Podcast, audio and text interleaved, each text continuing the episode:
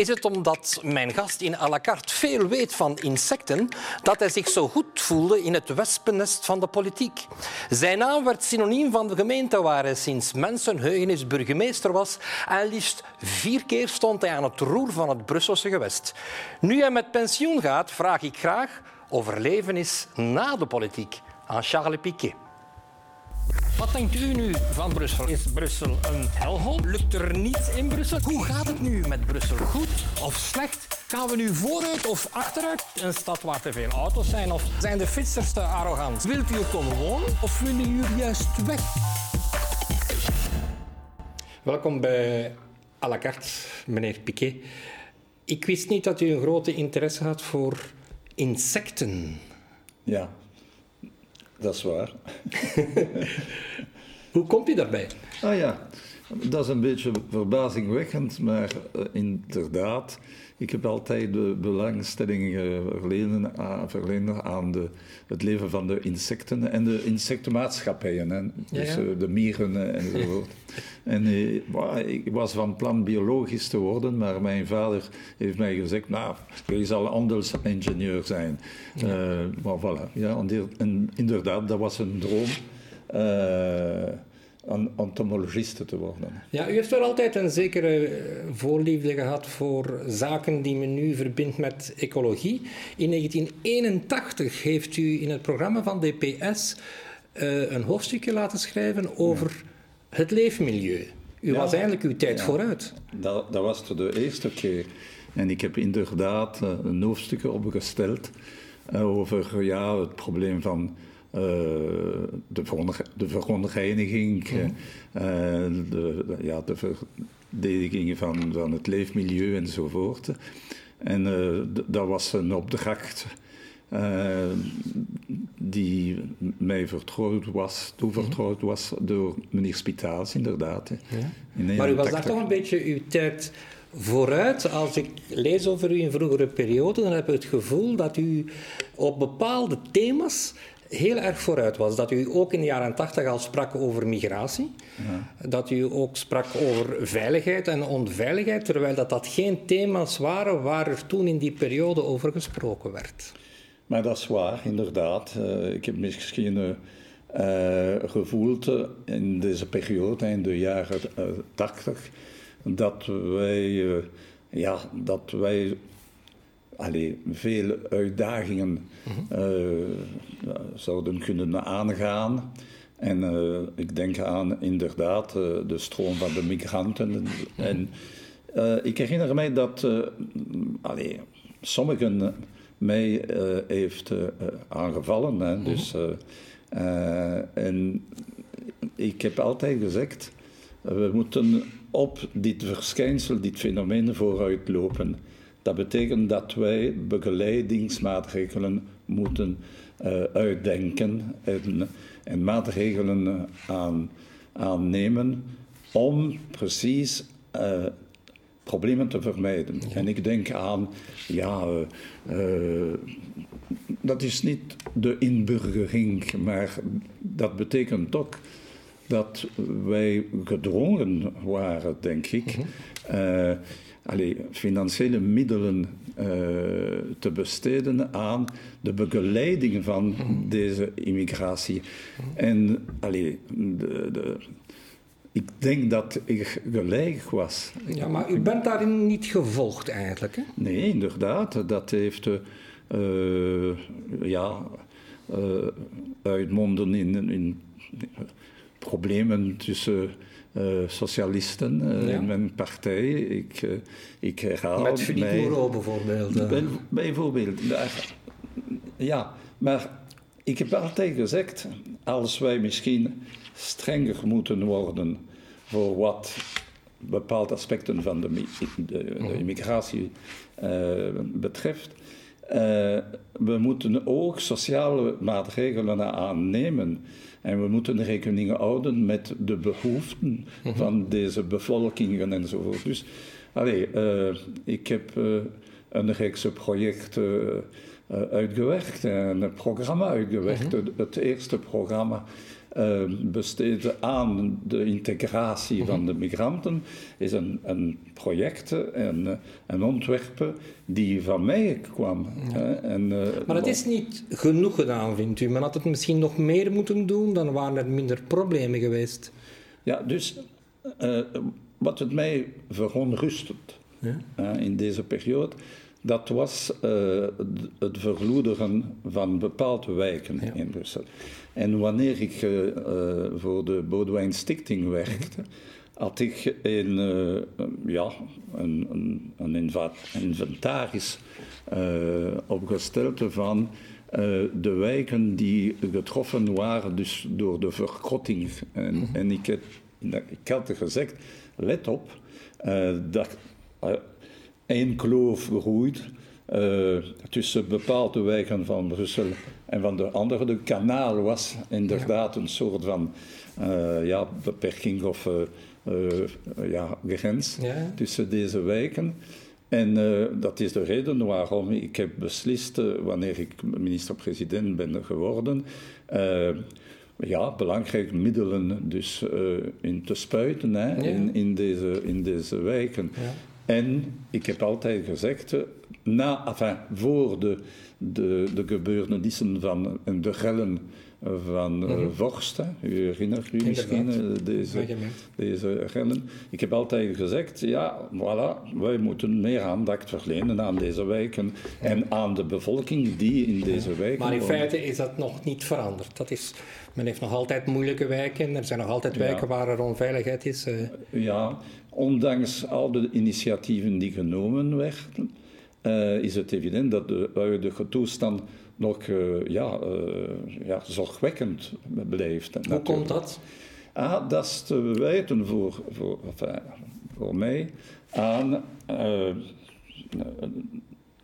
een gebrekkige verhouding tussen de middelen die gebruikt zijn mhm. voor deze wijken en uh, de omvang van, en van de stromen van migranten. Dus we moeten niet vergeten dat uh, uh, veel migranten in Brussel zijn aangekomen, deze mhm. laatste jaren nog. En we hebben misschien in deze periode onze middelen niet aangepast aan de omvang van deze stroom. Nou, voilà. Ja. Ik wou het even met u hebben over iets anders dat er wel iets mee te maken heeft, het Brussels gewest. U stond aan het, u heeft lang aan het hoofd gestaan van het Brussels gewest. U was vier keer minister-president. U heeft in die periode ook veel met Vlamingen moeten samenwerken. Ja. En ik zou willen vragen, we hebben een filmpje gevonden uit 1995 waarbij u uh, bepaalde dingen zegt over uw verhouding met de Vlamingen. We gaan eens kijken naar dat filmpje, u kan het daar zien. Ja. Face à certains flamands de Flandre, j'insiste, il faut se montrer extrêmement vigilant, c'est vrai. Parce que ces dernières années ont montré qu'il y avait évidemment une stratégie d'appropriation de Bruxelles. C'est clair. Et cette stratégie d'appropriation de Bruxelles se heurte pour le moment au fait que la région bruxelloise fonctionne bien. Al de expansionistische pogingen uh, zullen ons leiden tot conflicten.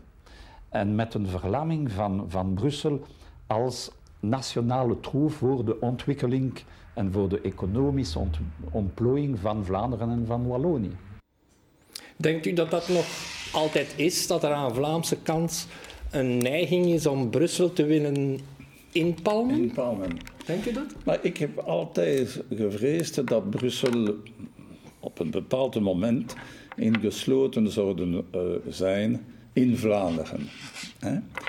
Maar dat stelt geen probleem voor mij. Mm -hmm. Ik ben... Allez, ik heb bewezen dat uh, ik uh, geen ekel afgeer mm -hmm. heb van de Vlamingen. Hè. Enfin, mm -hmm. ik hoop het wel. Ik hoop het wel. Nee, mijn, mijn, mijn vader is in Gent geboren. Ja. En, en, en, maar ik heb altijd gezegd, de aanvraag is de toestand van de bevolking in, -hmm. in Brussel. En we moeten niet uit, het oog verliezen dat wanneer, of toen ik mijn politieke loopbaan begin, dat uh, Brussel uh, verpoperd is. Mm -hmm. uh, Brussel is het slachtoffer van een tekort aan investering van het federaal niveau. en dat stelt een, een echte probleem voor de, levensomst de levensomstandigheden van, van de bevolking. Ja.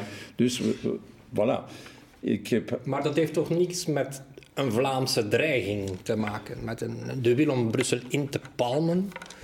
Ja, maar nee, ik, ik, ik denk aan het gebrek aan uh, belangstelling van Vlaanderen voor Brussel en het feit dat veel Vlamingen uh, Brussel beschouwen als een soort van, ja, uh, uh, een, een gewesten van, van, van tweede, tweede, orde. De tweede orde, ja.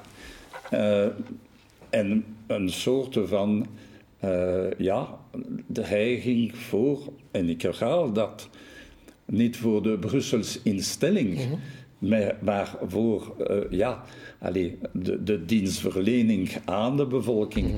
de, de, de, collectieve voorzieningen ten voordeel van de bevolking, concrete dingen voor de mhm. bevolking. En, uh, voilà. en dat is de reden waarom ik pleit met anderen voor de totstandkoming van, van het gewest. Om over eigen middelen, financiële middelen te beschikken. Ja, ja. ja. Maar dan komt, men, dan, komt u, dan komt u in de buurt van wat uh, de voorzitter van uw partij voorstelt, meneer Magnet, vier gewesten. Dus niet het voorstel van minister Verlinden die zegt 2 maal 2, maar u zegt vier volwaardige gewesten? Vier volwaardige gewesten. Ja, ik hoor dat, maar wij spreken ook van twee en twee uh, gewesten. Wat betekent dat? Mhm. Eh, dat betekent dat Brussel niet als een volwaardig gewest zou zijn op de gelijkvoet van Vlaanderen en Wallonië. Mhm. Eh, maar dat betekent één, voor mij een belangrijke bedreiging. Dat is het feit dat wij misschien een periode zouden uh, beleven, meemaken met een, uh, een echtscheiding, een feitelijk echtscheiding van, van België. En uh, ik vind dat Brussel een rol vervult voor het evenwicht tussen de, de twee grote gemeenschappen of, of gewesten. En voilà, dat is een soort van uh, minachting tegenover Brussel. Ja, u hebt een, een gewest, maar dat is een gewest van tweede orde. En wat betekent dat? dat? Maar u kan toch niet verwachten dat het Brussels gewest, dat er bijvoorbeeld dat de gemeenschapsbevoegdheden zouden worden uitgeoefend door het gewest. Nu worden de gemeenschapsbevoegdheden uitgeoefend door de gemeenschappen. Maar als het Brussels gewest bijvoorbeeld ook onderwijs mag organiseren, ja. dat is toch een heel ander verhaal. Bent u daarvoor ja, trouwens? Ja, maar, oké, maar dat stelt natuurlijk het financiële probleem. Mhm. hè? Dus uh, als wij de bevoegdheden van de Franse gemeenschap bijvoorbeeld moeten uh, hernemen, het is evident dat ons begroting niet voldoende zal zijn om natuurlijk uh, dit beleid uh, te voeren. Hè. Dus ik mhm. denk aan het onderwijs. En uh, ik, ik, ik, heb, allee, ik, heb tot de conclusie, ik ben tot de conclusie gekomen dat als wij een visie van de België bevorderen die gebaseerd is op twee grote gemeenschappen of gewesten, Wallonië en Vlaanderen. Ik vrees dat Brussel allee, uh, vergeten zou uh, worden mm -hmm. en dat een soort van onvermijdelijk fenomeen zou leiden tot inderdaad het insluiten in Vlaanderen van Brussel. Mm -hmm. uh, bon, en ik, ik, ik, ik, ik enfin, ik herhaal, het probleem is de levensomstandigheden van de Brusselaars. Mhm. de, de taalgrenzen enzovoort. Uh, en en de, de taalruzies enzovoort. Dat zijn voor mij allee, bijna onbeduidende dingen. Maar de, de, financiële middelen mhm. om de wijken uh, te vernieuwen, om, om uh, allee, uh, efficiënt ziekenhuizen, over mhm. efficiënt ziekenhuizen te beschikken enzovoort. Dat, dat is een, concreet probleem voor de, de bevolking. Ja. En ik denk dat de, de zesde er, staat, er, er, staatshervorming uh, is niet voltooid, zou ik zeggen. Waarom? Mhm. Ik had altijd gezegd, het voortleven van Brussel als instelling en als gewest is verbonden aan een belangrijk ding. De totstandkoming en het ontstaan van een grootstedelijke gemeenschap. Waarom? Omdat ik denk dat de problemen binnen Brussel verbonden zijn met de problemen die bestaan mhm. in de, de rand natuurlijk. Hè. En dit gebrek aan overleg, aan uh, samenwerking tussen Brussel en de rand, is voor mij uh, een fantastisch gevaar voor de toestand van Brussel, maar ook voor de belangen van Vlaanderen. Allee, ik vind dat het toch uh, allee, belachelijk is dat wij niet in staat zijn uh, samen te werken voor uh, een voorbeeld de op- en afgieten van de ring. Van de, de ring. dat is een voorbeeld, hè, mm. onder andere. en ik vind dat wij wij moeten ons buigen over de noodzaak van deze grootstedelijke uh, ja. Maar u pleit dus eigenlijk toch voor een soort samenwerking, met Vlaanderen? Uh, natuurlijk, ja. ja. U voelt u dus niet bedreigd voor Vlaanderen, u wilt met Vlaanderen samenwerken. Ja, maar ik moet wel vaststellen dat ja, de, de, de gemoederen en de geesten niet bereid zijn om deze samenwerking op gang te brengen. En dat... Tegelijkertijd heeft Brussel een heel grote schuld. Ja. Dus het zou ook kunnen dat dat er sprake komt tijdens een staatshervorming en dat, dan is er toch wel een probleem. Hoe gaat Brussel die schuld afbetalen? Brussel is kwetsbaar geweest, uh, geworden. Uh mhm. -huh. En uh, dat is natuurlijk een probleem dat wij niet uh, kunnen verwaarlozen en onderschatten, inderdaad. En ik vrees dat dit gebrek aan middelen natuurlijk uh, ja, misschien ja, de kern van de zaak zal worden voor de komende, eventueel maar waarschijnlijke staatshervormingen natuurlijk. Maar bon, ah, de Vlamingen moeten niet vergeten, en ik spreek van de, mhm. Vlamingen van Vlaanderen, moeten niet vergeten dat Brussel het uithangbord uh, van België, maar ook van Vlaanderen mhm. is. Dat uh, Brussel een economisch hefboom is voor Vlaanderen. Mhm. En op het moment dat wij Brussel uh, verwaarlozen, is het evident dat allez, deze economische lonk Brussel verzwakt is ten nadele van de Vlamingen en van de Wallonen, de Walen. Hè. En, voilà. En dat is de reden waarom ik denk dat allez, de toestand irrationeel is. Hartelijk dank, meneer Piquet, voor dit gesprek. En beste kijker, u voor het kijken. Volgende week zit Melina hier. Tot dan. Dag.